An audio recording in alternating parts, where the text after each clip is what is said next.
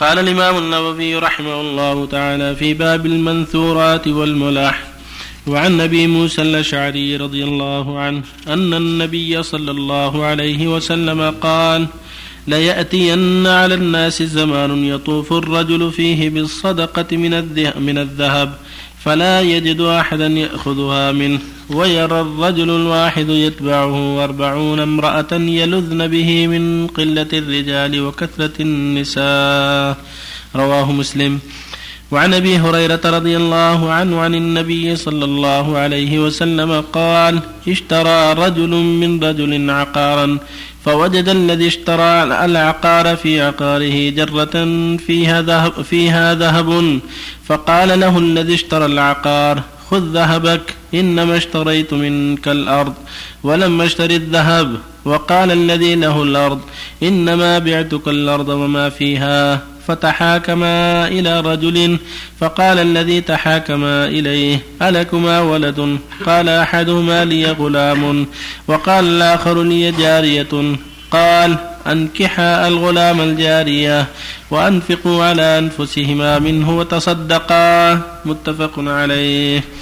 وعنه رضي الله عنه أنه سمع رسول الله صلى الله عليه وسلم يقول كانت امرأتان معهما ابناهما. جاء الذئب فذهب بابن إحداهما فقالت لصاحبتها إنما ذهب بابنك. وقال وقالت الأخرى إنما ذهب بابنك. فتحاكما إلى داود صلى الله عليه وسلم. فقضى به للكبرى فخرجتا على سليمان بن داود صلى الله عليه وسلم. فأخبرتاه فقال ائتوني بالسكين أشقه بينهما. فقالت الصغرى لا تفعل رحمك الله. هو ابنها فقضى به للصغرى. متفق عليه. وبالله التوفيق. بسم الله الرحمن الرحيم. الحمد لله. صلى الله وسلم على رسول الله وعلى آله وأصحابه. ومن اهتدى بهدى. أما بعد في هذه الأحاديث ففي هذه الأحاديث الثلاثة أشياء من الأحاديث العجيبة والعظيمة شيء يتعلق باخر الزمان وشيء يتعلق بفراسه القاضي واختلاف القضاة في الفراسه في الحديث الأول دلالة على أن المال يفيض في آخر الزمان كما جاء في أحاديث نزول عيسى بن مريم وغيره يكثر المال ويفيض حتى لا يقبله أحد من كثرة الأموال. حتى إن الرجل تهمه صدقته يذهب بالصدقة من الذهب والفضة لا يجد من يقبلها لساعة كثرة المال وعدم رغبة الناس فيه وذلك لقرب الساعة. هذا يدل على أن ما يقرب من الساعة يكون عند الناس كثرة أموال زهد في الاستكثار منها. وهذا عند نزول عيسى بن مريم وما يقع بعد ذلك. وقد يقع بعضه في زمن المهدي. وفي بعض الأوقات يكون عندهم حرص كما تقدم في حديث الكز الذي يحشرون على فرات فيقتتلون عنده حتى لا ينجو من المئة إلا واحد من رغبتهم في المال. فالأحوال تختلف والجهات تختلف.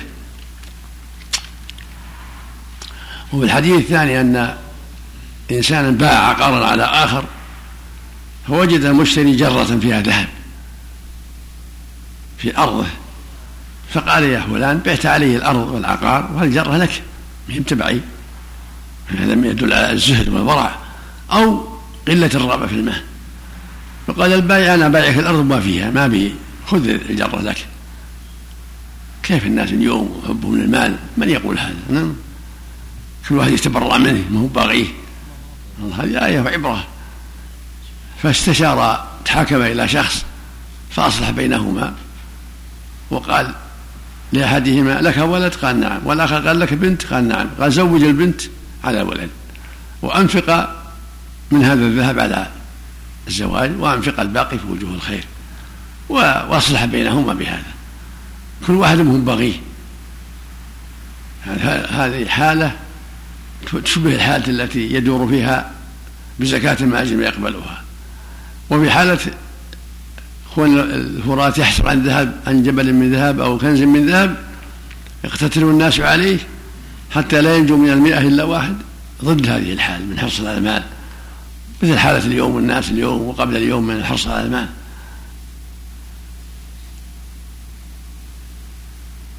والواجب في في مثل هذا هو التقيد بالشرع وأن الإنسان يأخذ المال من حله ويصرفه في وجهه. وإذا جاءه من غير طلب ولا شبهة فلا بأس بأخذه مثل ما قال صلى الله عليه وسلم لعمر ما جاءك من هذا المال وأنت غير مشرف ولا سائل فخذه وما لا فلا تتبعه نفسك. فإذا كان عنده المال يتصدق يحسن يعطي الفقراء وإذا جاءه مال من طريق سليمة لا فيها ليس فيها ظلم ولا فيها رشوة ولا فيها شر أخذه وصرف في وجوه الخير. والحديث الثالث قصة سليمان داود. عليهما الصلاة ونبيان رسولان اختلف حكمهما لأنه كان بالاجتهاد هو بالنص. جاءتهما امرأتان تختصمان في ابن لهما أخذه الذئب. كان عند واحدة كل واحد ابن فجاء الذئب فأخذ أحد ابنيهما. كل واحد تقول اللي ذهب ابنك أنا الباقي هو ولدي. كان فاختصما إلى داود. فقضى به الكبرى. كان لقرائن قامت عنده قضى به الكبرى. فلما خرج مر على سليمان فسألهما فأخبراه عن القضية. فقال أعطوني السكين أشقه بينكما. يريد أن يختبر رحمتهما للولد. من يرحمه منهما؟ هاتوا السكين أشقه. قالت الصورة لا لا شك. حط الكبرى أنا سامحه فلما رأى رحمتها للصغير وأنها طابت به نفسا للكبرى قال هي أمه. الكبرى ما رحمته. فلو كانت أما له لرحمته كما رحمته الصغرى فقضى به للصغرى بالاجتهاد لأن الصغرى رحمته والكبرى ما رحمته. هذا يدل على أن القاضي يعمل بالقرائن. إذا ما كان بينة ما عند الخصمين بينة ينظر بالقرائن وأسباب الحق ويتأمل ويجتهد مثل ما قال صلى الله عليه وسلم. قال النبي صلى الله عليه وسلم إنكما تقتصمان إلي. فلعل بعضكم يكون الحال بحجة بعض فأقضي له على نحو ما أسمع.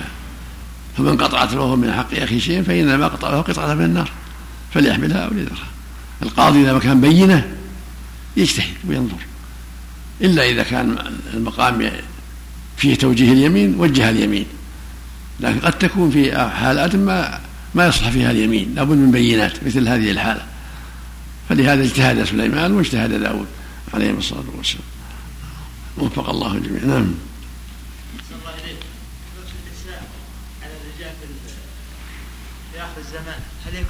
كذلك كثرة النساء هذا والله أعلم بأسباب كثرة الحروب والفتن. يقتل الرجال ويقل النساء ويكثر النساء. حتى يلوذ من الرجل الواحد الخمسون والأربعون من النساء لقلة الأولياء وكثرة النساء. وهذا والله أعلم بأسباب الحروب التي تقع في كثير من البلدان وكثير من الأوقات. نسأل الله السلامة. زوجات أحسن نعم. إماء أم زوجات؟ يلد به ما عندهم من يتولاهم يعني يلد به ليحميهن وليحسن إليهن. ليس زوجات؟ لا مو زوجات لا. ليحسن إليهن. اجتهاد الأنبياء. يجتهد النبي ما يظهر له من الشريعة اللي جاء بها. أحسن الله يا شيخ. داود وسليمان ما كان لهم شريعة؟ بلى أنتم. لكن ما جاءهم وحي في هذا. جزاك الله هذا اجتهاد فيه. مثل ما قال النبي إني أقضي لكم نحو مما أسمع. النبي محمد صلى الله عليه وسلم. النبي قد يقضي بالاجتهاد وقد يقضي بالوحي. جزاك الله فإن كان اجتهادهم صواب أقروا على ذلك. ان اصاب فله اجران وإن اخطا فله اجر مثل ما قال صلى الله عليه وسلم. اقصد أحسن الله عنك. إن كان اجتهادهم صواب اقروا من الله على ذلك. إيه؟ وإلا نزل الوحي ب قد ينزل الوحي وقد يقرون على اجتهادهم ويكون لهم أجر الاجتهاد. ولا ويفوت أجر الصواب. ما في دليل على أن أنه ينزل الوحي. قد يجتهد. في قضية في قضية حصلت للنبي صلى الله عليه وسلم مثال على ذلك. نعم. أقول في قضية مثال مثل ما قال حديث مسلم في الصحيحين. تختصمان إلي ولعل بعضها يكون ألحد بحجتهم بعض فأقضي هذا ما أسمع فمن قطعت له من حق أخي أخي شيء فإنما أقطع له قطعه من النار فليحملها وليذرها هذا معناه الاجتهاد. أحسن الله إليك يا شيخ. نعم. شرع من كان قبلنا إن كان وافق شرعنا هل نأخذ بها؟ اي شرع ولا شرع لنا. إذا لم يشرعنا بخلافه. الله يحسن من قال من قال باب الاجتهاد مقفل الآن ها؟ من قال باب الاجتهاد مقفل باب اجتهاده باب الجاهل مقفل ومن اجتهاد أهل العلم هو مقفل لكن الجهال مقفل عليهم. ما يجوز لهم. أحسن الله لو مثلا قال مثلا الان مثلا الآن وقت مثلا الساعة الآن. مثلا في علامات الساعة مثلا الآن قصر الوقت وكذلك الآن بعض البنات أكثر من الأولاد. الآن النساء أكثر من الرجال. قد يكون في بعض البلدان وفي بعض البلدان لا مو كل بلد لكن مو بشرط إنه مو كل بلد قد يكون. هذا وهذا محتمل. لكن ما أخبر به النبي أبدا قال اللهم صل على وسلم هل أحد من صلى الله عليه؟ نعم. هل أحد؟ هل أحد من أهل العلم صلى الله قال عن القرآن عن الآيات آه، ظنية ثبوت نعم. وظنية الدلالة؟ ما أخبر هذا. هذا هذا جاء في السنة في الاحاد أخبار الاحاد القرآن كله قطعي من قال إنه إلا إلا المشتبهات تفسر المشتبه. يرد كما بسم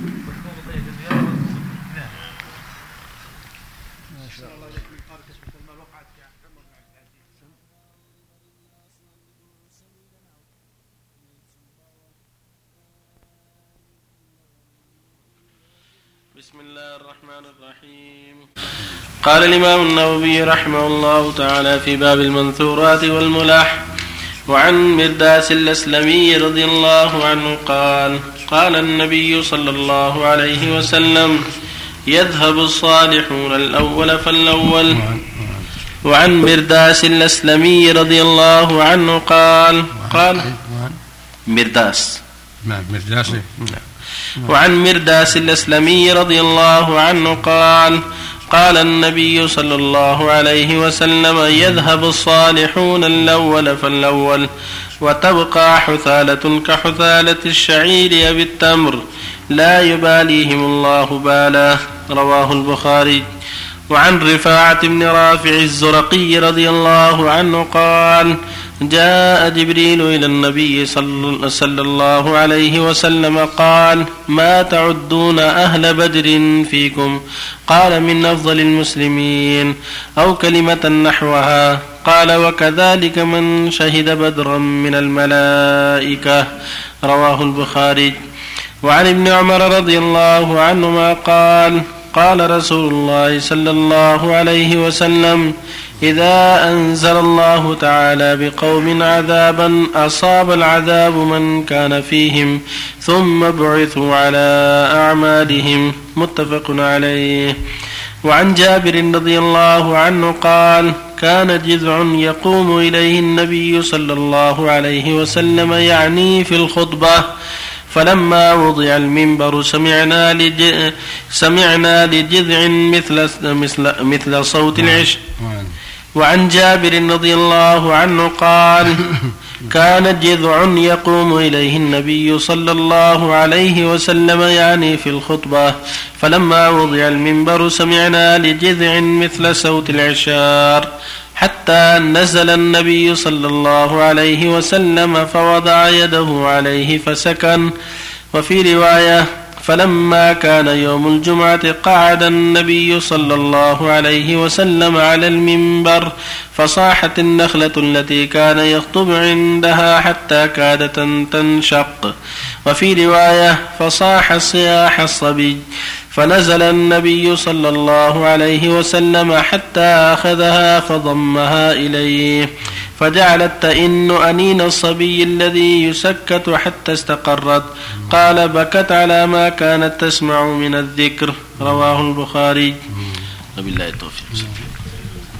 بسم الله الرحمن الرحيم. الحمد لله وصلى الله وسلم على رسول الله وعلى آله وأصحابه ومن اهتدى بهداه أما بعد فهذه الأحاديث من العجائب والغرائب التي بينها النبي صلى الله عليه وسلم ومن ما يقع في آخر الزمان ومن معجزاته عليه الصلاة والسلام. فالحديث الأول يدل على أن الصالحين يذهبون الأول فالأول وأن تشتد غربة الإسلام في آخر الزمان. ولهذا قال صلى الله عليه وسلم يذهب الصالحون الأول فالأول وتبقى حثالة كحثالة الشعير والتمر لا يباليهم الله باله وهذا من الحديث الآخر. بدأ الإسلام غريبا وسيعود غريبا كما بدأ. فطوبى للغرباء قيل من الغرباء؟ قال الذين يصلحون عند فساد الناس. وفي اللفظ الآخر هم النزاع من القبائل. في اللفظ الآخر هم أناس صالحون قليل في أناس سوء كثير. هذا يبين لنا أن الغربة تشتد. كلما تأخر الزمان قل الصالحون وكثر غيرهم. فينبغي المؤمن أن يحاسب نفسه وأن يجاهدها لعله يكون من الصالحين ومن الغرباء. والحديث الثاني يقول صلى الله عليه وسلم إن جبرائيل سأل النبي صلى الله عليه وسلم ما تعدون أهل بدر فيكم؟ يعني حضروا بدرا وقاتلوا المشركين. فقال له النبي انهم من أصلح الناس ومن أفضل الناس. بل قال فيهم صلى الله عليه وسلم يقول الله إن الله قال اعملوا ما شئتم فقد غفرت لكم. فهم من خيار الناس. فقال جبرائيل وهكذا من حضره من الملائكة. هم من خيار الملائكة. لمن حضر بدرا وساعد في بدر من الملائكة هم من خيار الملائكة ومن فضلائهم عليهم الصلاة والسلام. وفي الحديث الثالث يقول صلى الله عليه وسلم إن الله إذا أراد بقوم العقوبة عمت الصالح والطالح ثم يبعثون على نياتهم وأعمالهم. إذا ظهرت المنكرات والشرور عمت العقوبة ثم يبعث الناس على أعمالهم ونياتهم الصالح على نيته والطالح على نيته. ففي هذا الحذر من من ظهور المنكرات وأن الواجب القضاء عليها. كما جاء في الحديث يقول صلى الله عليه وسلم إن الناس إذا رأوا المنكر فلم يغيروه أوشك أن يعمهم الله بعقابه. فواجب على أهل الحل والعقد وعلى كل مؤمن أن يجتهد في إزالة المنكرات والقضاء عليها والأمر بالمعروف والنهي عن المنكر والتواصي بالحق والتعاون بالبر والتقوى رجاء ثواب الله وخشية عقابه سبحانه وتعالى.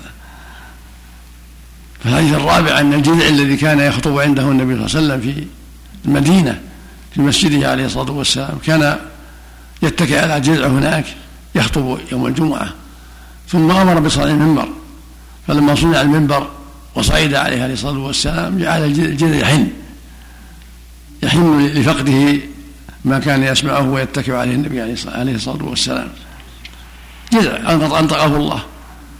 آية ومعجزة. فنزل من المنبر وجعل يسكته. حتى جعل إن كان ينصب حتى سكت. آه، هذا يدل على أن الجمادات لها شعور بإذن الله. لها شعور شعور بالأعمال الصالحة بتقوى الله بخشية الله. كما قال تعالى في الجبال وإن منها لما يهبط من خشية الله. في الجبال وإن منها لما يهبط من خشية الله. يعني الحجارة. هكذا النخل وهكذا غيرها من النباتات. لها شعور بخالقها يليق بها. وإن من شيء لا يسبح بحمده ولكن لا تفقهون تسبيحهم فهذه الجمادات وهذه الشجار الأشجار كلها لها شعور بخالقها يليق بها. سبحان الخلاق العليم وفق الله جميعا. هل شاركت الملائكة في غير بدر الغزوات؟ جاء في بعض الأحاديث مشاركة في حرب هوازن. نعم يوم يوم حنين. الجمع صلى الله عليك بين بين هذا الحديث الذي ذكر فيه عليه الصلاه والسلام إذا إذا أنزل بقوم عذابا وبين أن أمة محمد صلى الله عليه وسلم لا يعذبون عامة. اذا أنزل على قوم هم كلهم. لا أنزل على قوم طائفة اجتمعت مثلا في قرية وأظهروا منكر وعمت العقوبة تعم الصالح والله. مثل اللي يغزون مكة في آخر الزمان. ينزل ينزل بهم عقوبة في بيداء من الأرض فيخسف بأولهم وآخرهم. يعني قيل يا رسول الله كيف يخسف بأولهم وآخرهم وفيهم أسواقهم ومن ليس منهم؟ قال يخسف بجميع يخسف به جميعا ثم يبعثون على نياتهم نسأل الله. اللي نفى النبي حرب العقوبات العامة. يعني تعم أهل الأرض كلهم. الله نعم. إنكار القلب هل يمنع حدوث العقاب العام؟ ما يكفي لابد من إنكاره. القول والفعل. مع مع قدرة. أما اللي ما يقدر يكفيه القلب. هذا يمنع العقوبة أحسن الله إليك. عنه العقوبة عنه. يعني ما يعاقب يوم القيامة لكن تعم العقوبات العامة. نسأل الله هل صحيح مثلا من يقول أن الحيوانات والجمادات أفضل عند الله من العصاة من عصاة المسلمين؟ لا هذا ما عليه دليل هو عليه هو ما عليه دليل كلام ما له ما له أساس. لأن عصاة المسلمين عندهم التوحيد عندهم الإيمان الأساسي. يدخلون به الجنة ولا عذبوا إنهم أصل التوحيد لكن ظلموا أنفسهم كما قال تعالى فمنهم ظالم نفسه. هل هو هل هي أفضل من الكفار؟ نعم. هل هي أفضل من الكفار؟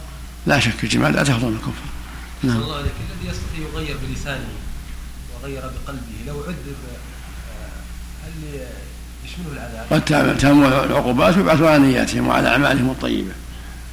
لكن لو كان يستطيع بلسانه أحسن نعم. لو كان يستطيع أن يغير هذا المنكر بلسانه. يستحق العقاب إذا لم يفعل يستحق. نسأل الله العافية. قال في القرآن وأنجينا الذين ينهون عن السوء. هذا يحمل على الإنكار العلني. إيه. نعم. يعني القلب ما يكفي. لا قال حد بس النجاة إذا كان عاجز. أحسن الله عملك سبحان الله.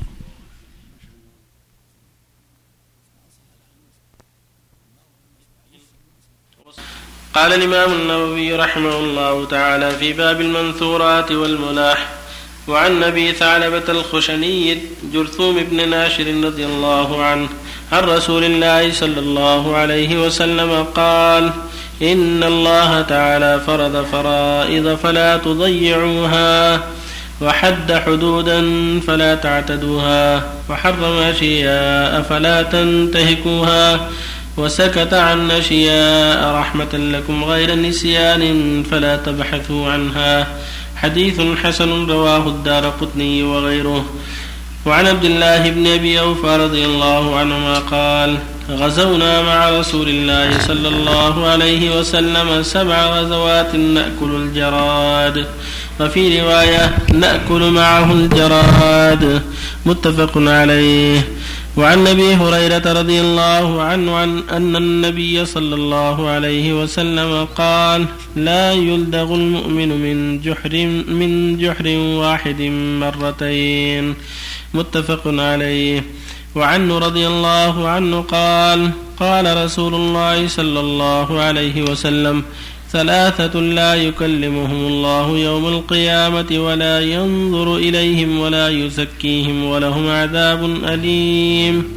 رجل على فضل ماء بفلاة يمنعه من ابن السبيل. ورجل بايع رجلا سلعة بعد العصر فحلف بالله لأخذها بكذا وكذا فصدقه وهو على غير ذلك. ورجل بايع إماما لا يبايعه إلا لدنياه فإن أعطاه منها وفاه وإن لم يعطه منها لم يفه متفق عليه. بالله التوفيق. بسم الله الرحمن الرحيم. الحمد لله وصلى الله وسلم على رسول الله وعلى آله وصحبه. أما بعد هذه الأحاديث الأربعة في أحكام متعددة. في الحديث الأول يقول صلى الله عليه وسلم إن الله فرض فرائض فلا تضيعوها وحد حدودا فلا تعتدوها وحرم أشياء فلا تنتهكوها وسكت عن أشياء رفعت لكم غير النسيان فلا تبحثوا عنها الله جل وعلا فرض فرائض وألزم بفعلها قال أطيعوا الله وأطيعوا الرسول قال أقيموا الصلاة وآتوا الزكاة إلى غير هذا وحد حدود فلا يجوز اعتداؤها قال تعالى تلك حدود الله فلا تعتدوها على ما بين سبحانه. فلا تعد الحدود في الصلاة ولا في الصوم ولا في الزكاة ولا في الحج ولا في غير ذلك. يجب عند يجب الوقوف عند حدود الله لا يزاد ولا ينقص.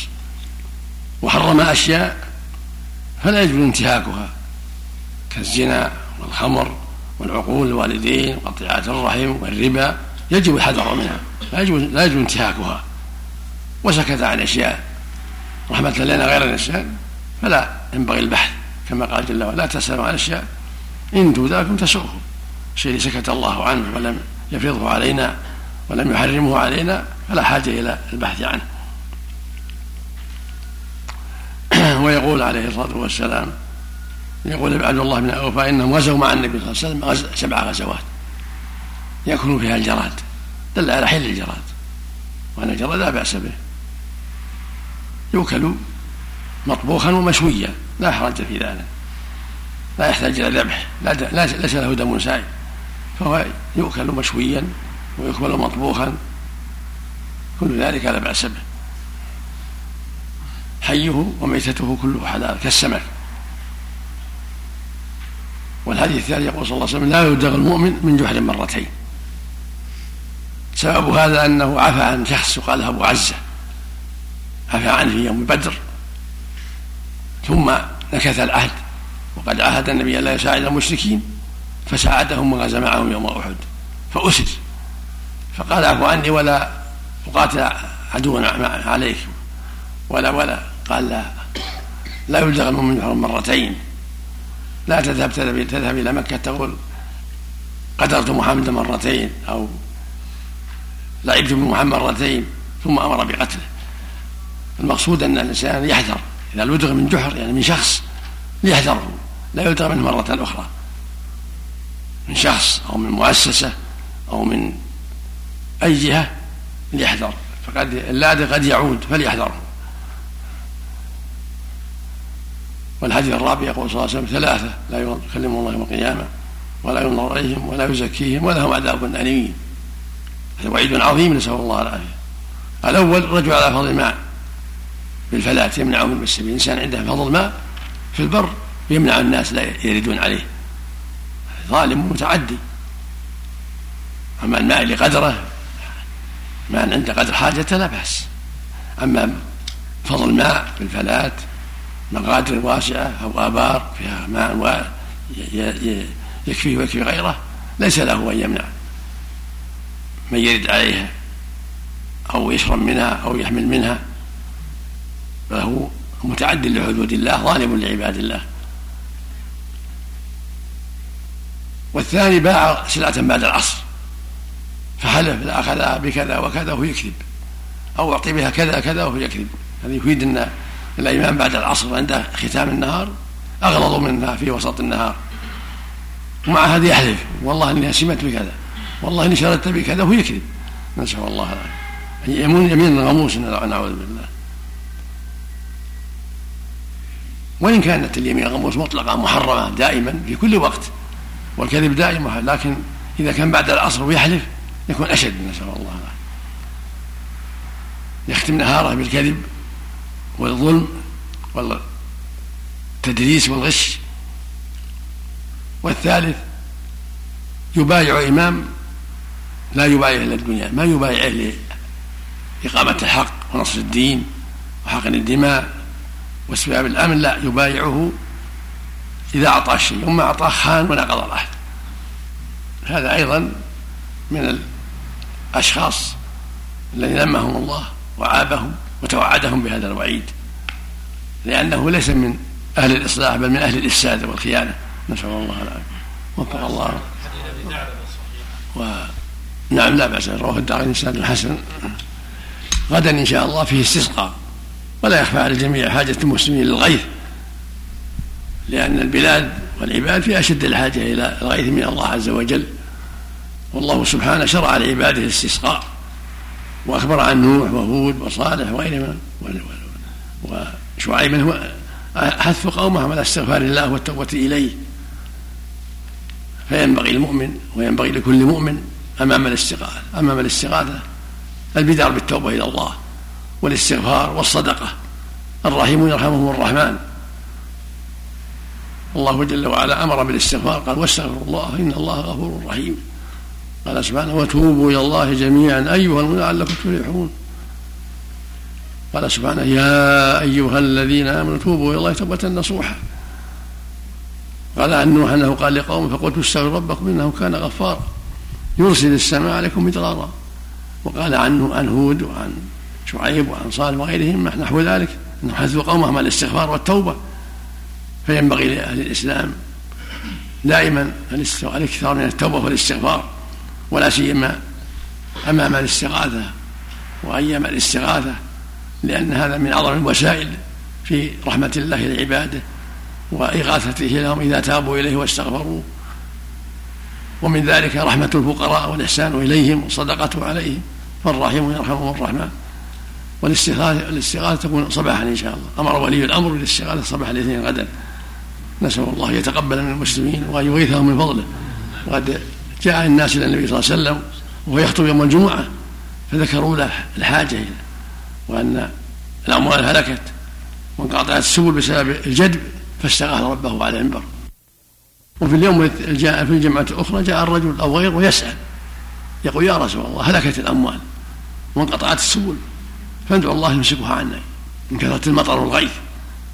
فضحك عليه الصلاة والسلام. من شدة من ضعف ابن آدم. ثم رفع يديه ودعا. قال اللهم على الأكام والضراب. اللهم لنا ولا علينا. اللهم على الضراب والآكام وبطون ومنابت الشجر.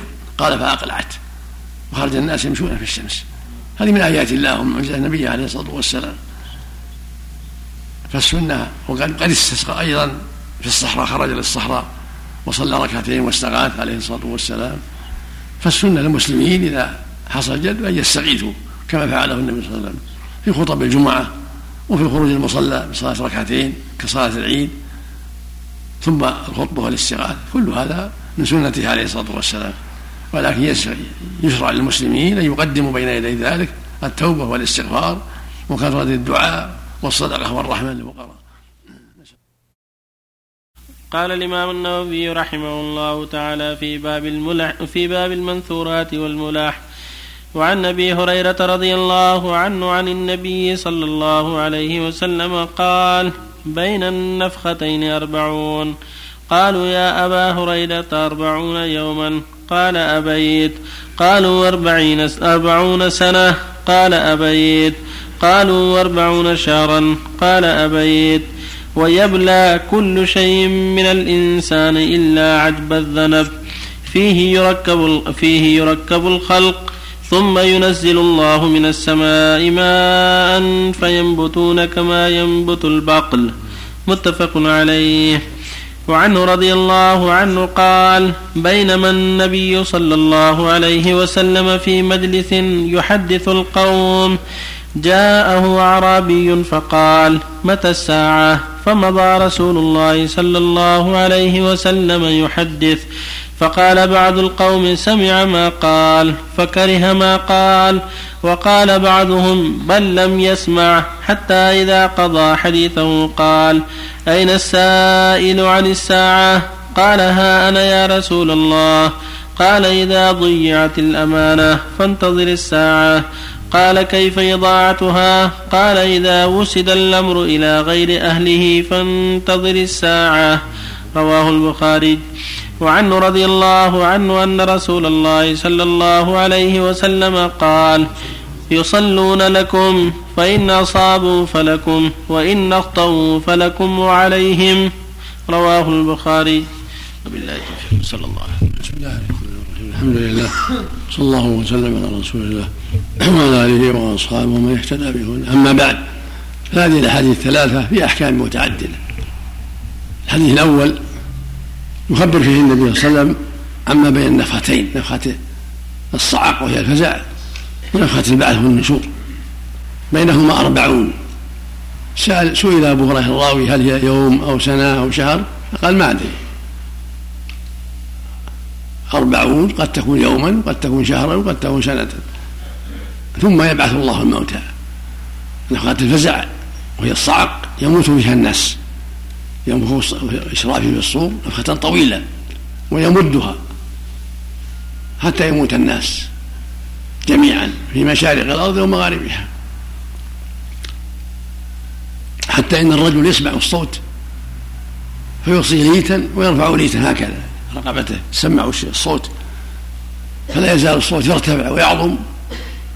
حتى يصعق الناس يموت هذا يصعق والخيس في يده الفسيلة الحيشه في يده بيركسها ويطول ويموت والآخر في يده اللقمة ويسقط يموت. والآخر قد مد الثوب أو نحوه بينه وبين صاحب يشتريه فيسقطان والآخر يلوط حوض ابله فيموت معه. من هذه الصعقة. ثم الصعقة الأخرى نفخة البعث والنشور. فيها يحيى الناس ينبتون. كما تنبت يموت البقل. ويفنى كل شيء من العبد إلا إلا عجب الذنب إلا عظم الذنب يبقى يبني الله عليه خلقته وإعادته. فهذا خلق جديد. لما قال الكافر من يحيي العظام من يحيي العظام وهي رميم؟ قال الله قل يحييها الذي أنشأها أول مرة. وهو بكل خلق عليم سبحانه وتعالى. فالذي خلقهم اولا من ماء مهين من ماء ضعيف ثم نطفة ثم علقة إلى آخره هو الذي يعيدهم يوم القيامة وينبتهم من هذه القبور ومن من البحار ومن كل مكان حتى يحشروا بين يدي الله جميعا ويجزون بأعمالهم خيرها وشرها. فالواجب على العاقل ان يعد العدة لهذا اليوم اليوم العظيم. فإن من مات فقد قامت قيامته كل من مات قامت قيامته. وتم عمله وختم على عمله إلا ما يأتيه من صدقات وإحسان من الناس. إذا مات ابن آدم انقطع عمله إلا من ثلاث صدقة جارية أو علم ينتفع به أو ولد صالح يدعو له.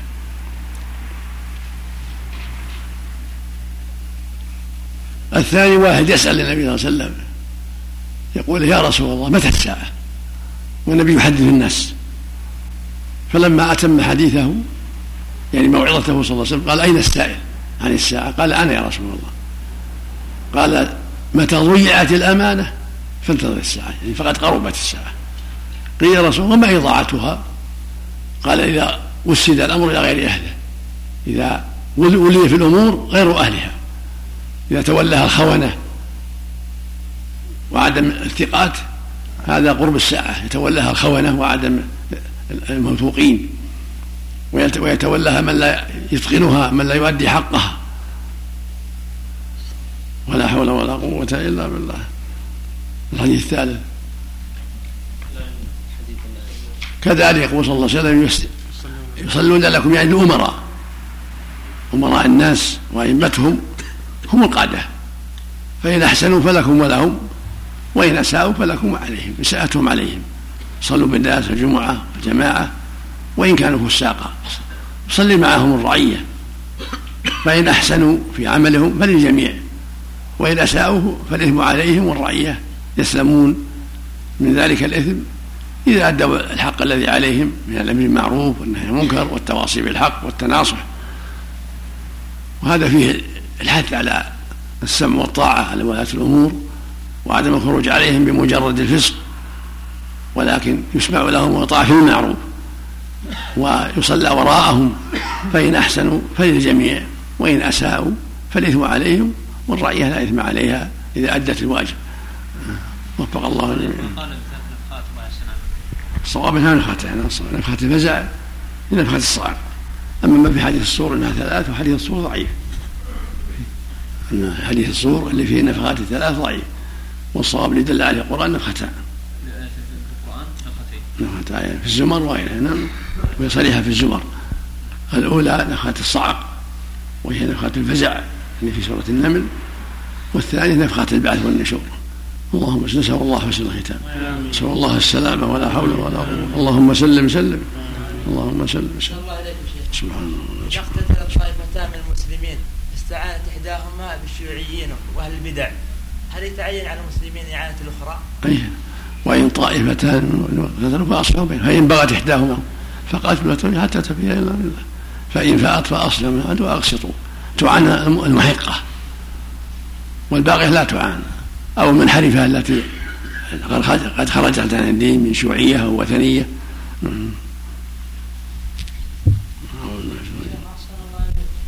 خيركم من طال عمره وحسن عمله. حديث صحيح. لا بأس. نعم. اللهم المستعان الله لا اله الا هو القيوم لا تاخذه سنه من الذي يشفي نعم نعم. بشركة ها؟ ولقيت هناك يصلون على حصاه هذول الرافضة. أنا أصلي يقول اصلي معهم ولا لا صلي معهم صلي مع أهل السنة. جزاك الله. يعني هذول يسمون الشيعة يسمون الرافضة. يصلون على حصات هذا ما ياخذونها من النجف. محل قبر الحسين. نسأل الله العافية.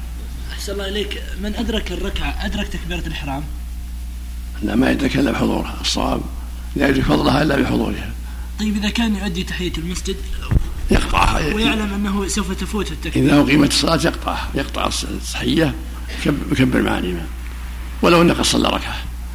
إلا إذا كان في آخرها قد صلى ركعة الركوع الثاني يكمل ما بقي إلا يسير يكون مدركا إن شاء الله. الله هل الصواب فيه الزكاة؟ نعم. الربا لا يتصدق كله ما هو الزكاه اذا يزكي كله يروح للفقراء ومشاريع الخير ولا يأخذ من الشرك. صدق بالعصر اللي هو ماله. يزكيه كنز في البنك إيه، اللي من اللي من الربا كله يخرج في وجوه الخير لا يزكي كله يروح في وجوه الخير. ويزكي الأصل بس. السليم لكن مختلط اختلاط عظيم. يعرف المليون اللي في أصل ما يزكيه واللي ملايين من الربا ينفقها في وجوه الخير. نسأل الله العافية والسلامة يا شيخ هل هل يجوز للإنسان أن يتهفف من الدنيا ويتمنى الموت إذا كثرت المعاصي وكثر اللهم إذا شيخ كانت الله إليك. أنا وتوفني إذا كانت الوفاة خيرا لي. يسأل ربه يختار له الاصلح مثل ما أمر النبي أنا طال عمرك أخذت لي بحرانيه ثلاث تصلي على الحصى وأنا ما دريت. يوم طلقت الا إلا ان هداها الله. أي هدية تصلي على الحصى؟ وش أسوي أطلقها ولا؟ يطلقها دور أهل السنة. إيه وأنا اخو رجل دور غير الله. الله يبعدها. إلا أن هداها الله.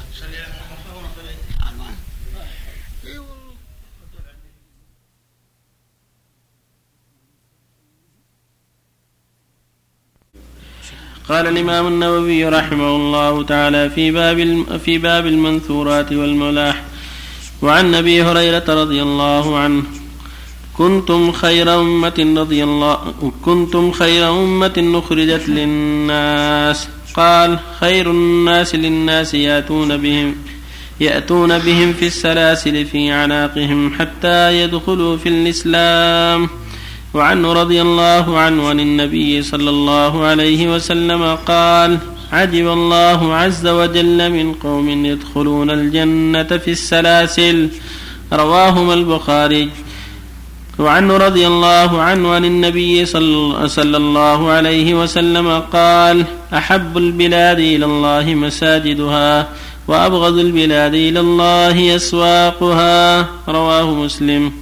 وعن سلمان الفارسي رضي الله عنه من قوله قال لا تكونن إن استطعت أول من يدخل السوق.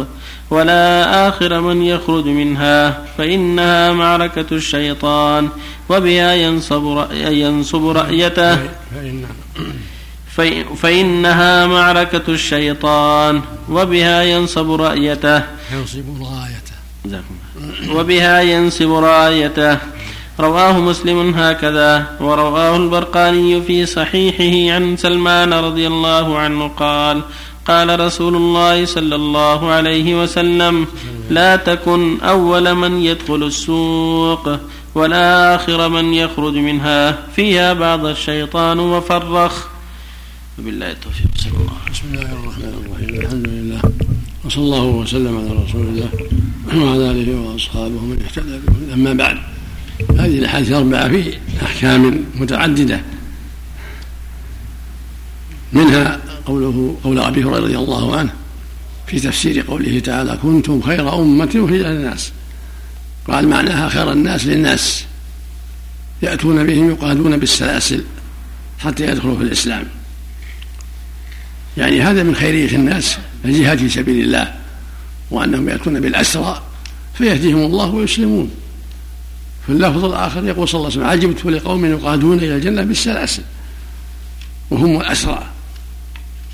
يأسرهم المسلمون ثم يهديهم الله ويدخلون في الإسلام فيربحون ويدخلون الجنة. هذا من نعم الله العظيمة ومن فضل الله الكريم على من أسر ثم دخل في الإسلام ولم يقتل على الكفر. كذلك قول قول عمار يروى مرفوعا لا تكن أول ما يدخل السوق ولا آخر من يخرج منها فإنها تنصب فإن فيها ينصب رأيته. واللفظ الآخر فإنه فيها باض وفرخ هذا فيه الحذر من مجتمعات الأسواق فيها أسواق البيع والشراء فإن فيها الكذب فيها الخيانات فيها تزيين الشيطان للناس الكذب والخيانة والغش. فادخل السوق قدر الحاجة. اذهب للسوق قدر الحاجة. لا تكون مع أول الناس ولا مع خير الناس. ادخل ادخل إليها حسب الحاجة وتحرص واحذر. وساوس الشيطان وشره من كذب أو خيانة أو خداع أو تدريس أو ما أشبه هذا مما يقع للباعة الشر في في الأسواق. ويقول صلى الله عليه وسلم أحب البقاع إلى الله مساجدها وأبغض البقاع إلى الله أسواقها. أسواقها هي محل البيع والشراء لأنها فيها يكون الكذب يكون فيها الغش يكون فيها الخيانة يكون فيها غير ذلك مما يحبه الشيطان من الغفلة. أما المساجد في محل الذكر محل الطاعة محل الصلاة فهي أحب البقاع إلى الله جل وعلا لما فيها من ذكر الله وطاعته وأداء الصلاة وقراءة القرآن وغير هذا من وجوه الخير. وفق الله جميعا. المرض فرخ فيها يعني إنه تمكن منها تمكن منها لأن فيها أنواع الشر الكذب والخيانة والحلف لايمان الكاذبه والشهادات الزور وغيرها. يقع يقع فيها شر كثير اسوء اللهم المستعان حديث إن الله يحب كل عبد مخموم القلب. إيش معنى مخموم القلب؟ ما أعرف ما أعرف أقول أعرف الحديث. نعم.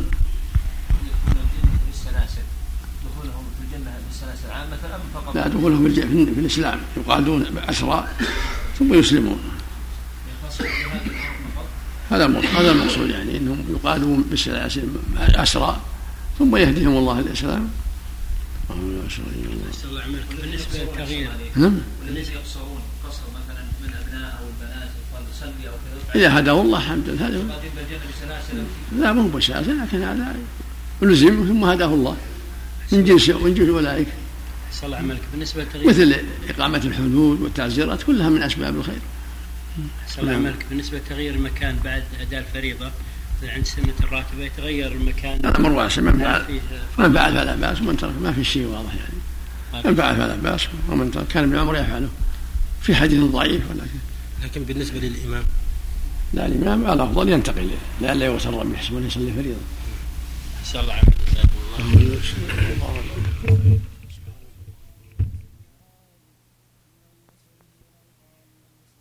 قال الإمام النووي رحمه الله تعالى في باب المنثورات والملاح وعن عاصم الأحول عن عبد الله بن سرجس رضي الله عنه قال قلت لرسول الله صلى الله عليه وسلم يا رسول الله غفر الله لك. قال ولك. قال عاصم فقلت له استغفر استغفر لك رسول الله صلى الله عليه وسلم قال نعم ولك. ثم تلا هذه الآية. واستغفر لذنبك وللمؤمنين والمؤمنات. رواه مسلم. وعن أبي مسعود الأنصاري رضي الله عنه قال قال رسول الله قال النبي صلى الله عليه وسلم إن وعن عاصم الأحول عن عبد الله بن سرجس رضي الله عنه قال قلت لرسول الله صلى الله عليه وسلم يا رسول الله غفر الله لك. قال ولك. قال عاصم فقلت له أستغفر لك رسول الله صلى الله عليه وسلم؟ قال نعم ولك. ثم تلا هذه الآية واستغفر لذنبك وللمؤمنين والمؤمنات. رواه مسلم. وعن أبي مسعود الأنصاري رضي الله عنه قال قال النبي صلى الله عليه وسلم إن مما أدرك الناس من كلام النبوة من كلام النبوة الأولى إذا لم تستح فاصنع ما شئت. رواه البخاري. وعن ابن مسعود رضي الله عنه قال قال النبي صلى الله عليه وسلم أول ما يقضى بين الناس يوم القيامة في الدماء متفق عليه. وعن عائشة رضي الله عنها قالت قال رسول الله صلى الله عليه وسلم خلقت الملائكة من نور وخلق الجان من مارج من نار وخلق آدم مما وصف لكم. رواه مسلم. وبالله التوفيق. وعلى اله وأصحابه ومن اهتدى بهداه. أما بعد هذه الأحاديث الأربعة تتعلق بأحكام متعددة مثل ما تقلم والمؤلف المنثورات والملاح يعني المنثورات التي في معاني كثيرة وأحكام متعددة. الأول عن سعد الله بن سرجس أنه أخبر عاصم الأحول أنه قال يا رسول الله غفر الله لك. فقال له صلى الله عليه وسلم ولك ولك يعني وغفر الله لك. فقال له عاصم استغفر لك رسول الله صلى الله عليه وسلم؟ فقال نعم استغفر لي ولك. ثم قرأ قوله تعالى فاعلم أنه لا إله إلا الله واستغفر لذنبك وللمؤمنين والمؤمنات. فأنت من المؤمنين والمؤمنات الذين أمر الرسول أن يستغفر لهم. ففي هذا حسن خلقه صلى الله عليه وسلم وتواضعه. ومحبته لما ينفع أمته. فإن عبد الله لما قال غفر الله لك يا رسول الله قال ولك يعني غفر الله لك. ففي هذا حسن الإجابة. ومن قال لك جزاك الله خير أو غفر الله تقول أنت وجزاك الله خير أيضا أنت غفر الله لك. هل جزاء الإحسان إلا الإحسان. ومن صنع إليكم معروفا كافئوه. والحديث الثاني يقول النبي صلى الله عليه وسلم إذا لم تستحي فاصنع ما شئت. هذا في وعيد. من لا يستحي يصنع ما شاء ولن يفوت الله بل هو على خطر تحت قدرة الله جل وعلا. فالواجب الحذر وأن يستحي الإنسان من ربه فلا يقدم على ما حرم الله ولا يترك ما وجب الله. المؤمن يستحي من الله حق الحياة. ويقول يقول صلى الله عليه وسلم في الحديث الآخر الحياء من الإيمان. وفي الصحيح عن ابن عمر رضي الله عنهما أن النبي سمع شخصا يعظ أخاه في الحياء فقال له دعه فإن الحياء من الإيمان. يعني يعظ أخاه يقول له لا تستحي كثير انبسط مع الناس كذا كذا فقال له النبي دعه فإن الحياء من الإيمان. فالذي لا يستحي سوف يقع منه ما, ما لا تحمد عقباه وسوف يندم العاقبة. والصحيح أن هذا للتهديد والتحذير. وفيه الحث على الحياء والبعد عما يستحيا منه. والحديث الثاني يقول صلى الله عليه وسلم أول ما يقضى بين الناس يوم في الدماء. هذا فيه خطر الدماء. وأنها خطيرة. يجب الحذر من سفك الدماء بغير حق. لا بقتل ولا بجرح يجب الحذر. وأن يصون الإنسان نفسه عن ظلم الناس. مطلقا ولا سيما ما يقع فيه الدم من الجراحات والقتل. فإنه سوف يقضى بينهم يوم القيامة وسوف يعطى كل ذي حق حقه. سوف يعطى كل ذي حق حقه. فليحذر المؤمن أن يتعلق به إخوانه فيما ظلمهم فيه. صح عنه عليه السلام أنه قال يرى لأصحابه يوما ما تعدون المفلس فيكم؟ قالوا من لا درهم له ولا متاع. عند العرب يعد مفلس ما عنده شيء قال النبي صلى الله عليه وسلم لكن المفلس لكن المفلس من يأتي يوم القيامة بصلاة وصوم وصدقة ويأتي وقد ظلم هذا وشرب وشتم هذا وضرب مال وضرب هذا وسفك دم هذا وأخذ مال هذا فيعطى هذا من حسناته ويعطى هذا من حسناته. فإذا فإن فنيت حسناته ولم يقضى ما عليه حمل عليه من سيئاتهم ثم طرح في النار نسأل الله هذا المفلس الذي تؤخذ حسناته يوم القيامة فيعطاها غيره. لظلمه وعدوانه ثم يحمل من سيئاتهم بسبب إساءته إليهم ثم يطرح في النار بظلمه. فينبغي المؤمن الحذر من الدماء وعواقبها الوخيمة فإن عواقبها وخيمة والظلم كله وخيم كما قال صلى الله عليه وسلم اتقوا الظلم فإن الظلم ظلمات يوم القيامة.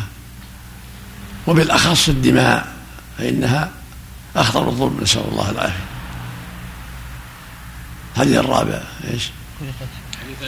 كذلك حديث عائشة رضي الله عنها يقول صلى الله عليه وسلم خلقت الملائكة من النور. وخلق الشيطان من مارج من نار. وخلق آدم مما وصف لكم رواه مسلم. الله جل وعلا خلق الملائكة المكرمين من النور. فدل طيب عنصرهم وأن عنصرهم النور كلهم في طاعة ربهم. كما قال جل وعلا لا يسبقونه بقولهم بأمره يعملون يعلم ما بين أيديهم وما خلفهم ولا يشفعون إلا لمن ارتضى وهم من خشيته مشفقون. عليهم الصلاة والسلام. وخلق الجان من مارج من نار الشيطان كما قال تعالى الجنة خلقناه والجنة خلقناه من نار من نار السموم. خلق الإنسان من صلصال كالفخار وخلق الجان من مارج من نار. وخلق آدم مما وصف لكم من الطين من التراب. هذه أصول الناس الخلائق المكلفة هذه أصولها. آدم من طين. الشياطين من نار الملائكة من النور. وهم لا يعصون الله ما أمرهم ويفعلون ما يؤمرون عليهم الصلاة والسلام. والجن على الصحيح هو أبو الشياطين وهو قائد العصاة إلى النار. وذريته قسمان منهم الصالح والطالح كذرية آدم فيهم الصالح والطالح. كما ذكر الله قصتهم في سورة الرحمن. خلق الإنسان من صلصال كالفخار وخلق الجن من مريم النار. فبأي آلاء تكذبان رب المشرك إلى آخره إلى قال ولمن خاف مقام ربه جنتان من هؤلاء ومن هؤلاء. فالواجب على الإنس والجن جميعا أن يتقوا الله وأن يعبدوا الله وعلى الإنس أن يحذروا الوقوع في الخطيئة التي وقع فيها آدم. أبوهم ليحذروا السيئات والمعاصي. فإن ذكر خطيئة أبيهم توجب انتباههم وحذرهم. وعلى أولاد الشيطان أن يحذروا طاعة خبيثهم وأن يسارعوا الخيرات والطاعات. أما الملائكة فهم في طاعة الله كما خبر عنهم جل وعلا من خشيته مشفقون لا يعصون الله ما أمرهم ويفعلون ما يؤمرون عليهم الصلاه والسلام. وفق الله جميعا. صلى الله وسلم. قال إن أول الخصومات يوم القيامه بين علي ومعاوية. الله اعلم هذا ذلك جاء عن علي انه اول من يخصم هذا في قصته البدر. كما أخبر علي ان أول من يتوب إلى يدي الله يوم القيامة يعني علي وحمزة وعبيده بن الحارث مع عتبه بن ربيعه وشيبه بن ربيعه ولد عتبه ما هم مع معاويه مع هذا مع هؤلاء الذي قتلهم يوم بدر. الجان هو الشيطان يا الله عليك نعم. الجان في الحديث هو الشيطان. نعم. الله عليك الطيور مما خلقت؟ نعم. الطيور والحيوانات مما خلقت؟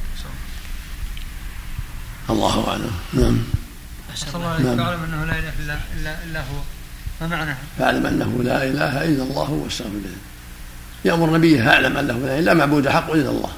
يعني اعلم محمد وعلم الناس. كما قال تعالى ذلك بأن الله هو الحق وأن ما يدعون من دونه هو الباطل. بمعنى معنى اعلم ذلك يقينا وعلم الناس. مثل ما قال وجدك ضالا فهدى. كان على أمر الجاهلية فهداه الله وعلمه وأوحى إليه. حتى صار قائد المؤمنين إلى الجنة ومنذر الكفار من عذاب الله عز وجل وصار أفضل الناس. بهذا الوحي العظيم والعبادة العظيمة. نعم. الله عملك. لا حياء في الدين. صحيح أسأل الله عملك. نعم. لا حياء في الدين. ما أعرف لا أصل لكن قل هذا من كلام أم سليم. قالت معنى يا رسول الله إن الله لا يستحي من الحق. مأخوذ من هذا. فقالت يا رسول الله هل على مرة من غسل إذا احتلمت؟ تسأل. ما لم مستحيها بسأل عنها الأمر العظيم. هل على المرأة من غسل قال النبي نعم إذا رأت. والله يقول إن الله لا يستحي من الحق. نعم. بارك الله فيكم. حكم من قال أن محمد صلى الله عليه وسلم خلق من نور. ما له أصل هذا كلام باطل. خلق من ماء, من ماء عبد الله ومن ماء آمنة. أبيه وأمه هذا جاهل مركب. لكن الله أعطاه النور بالوحي.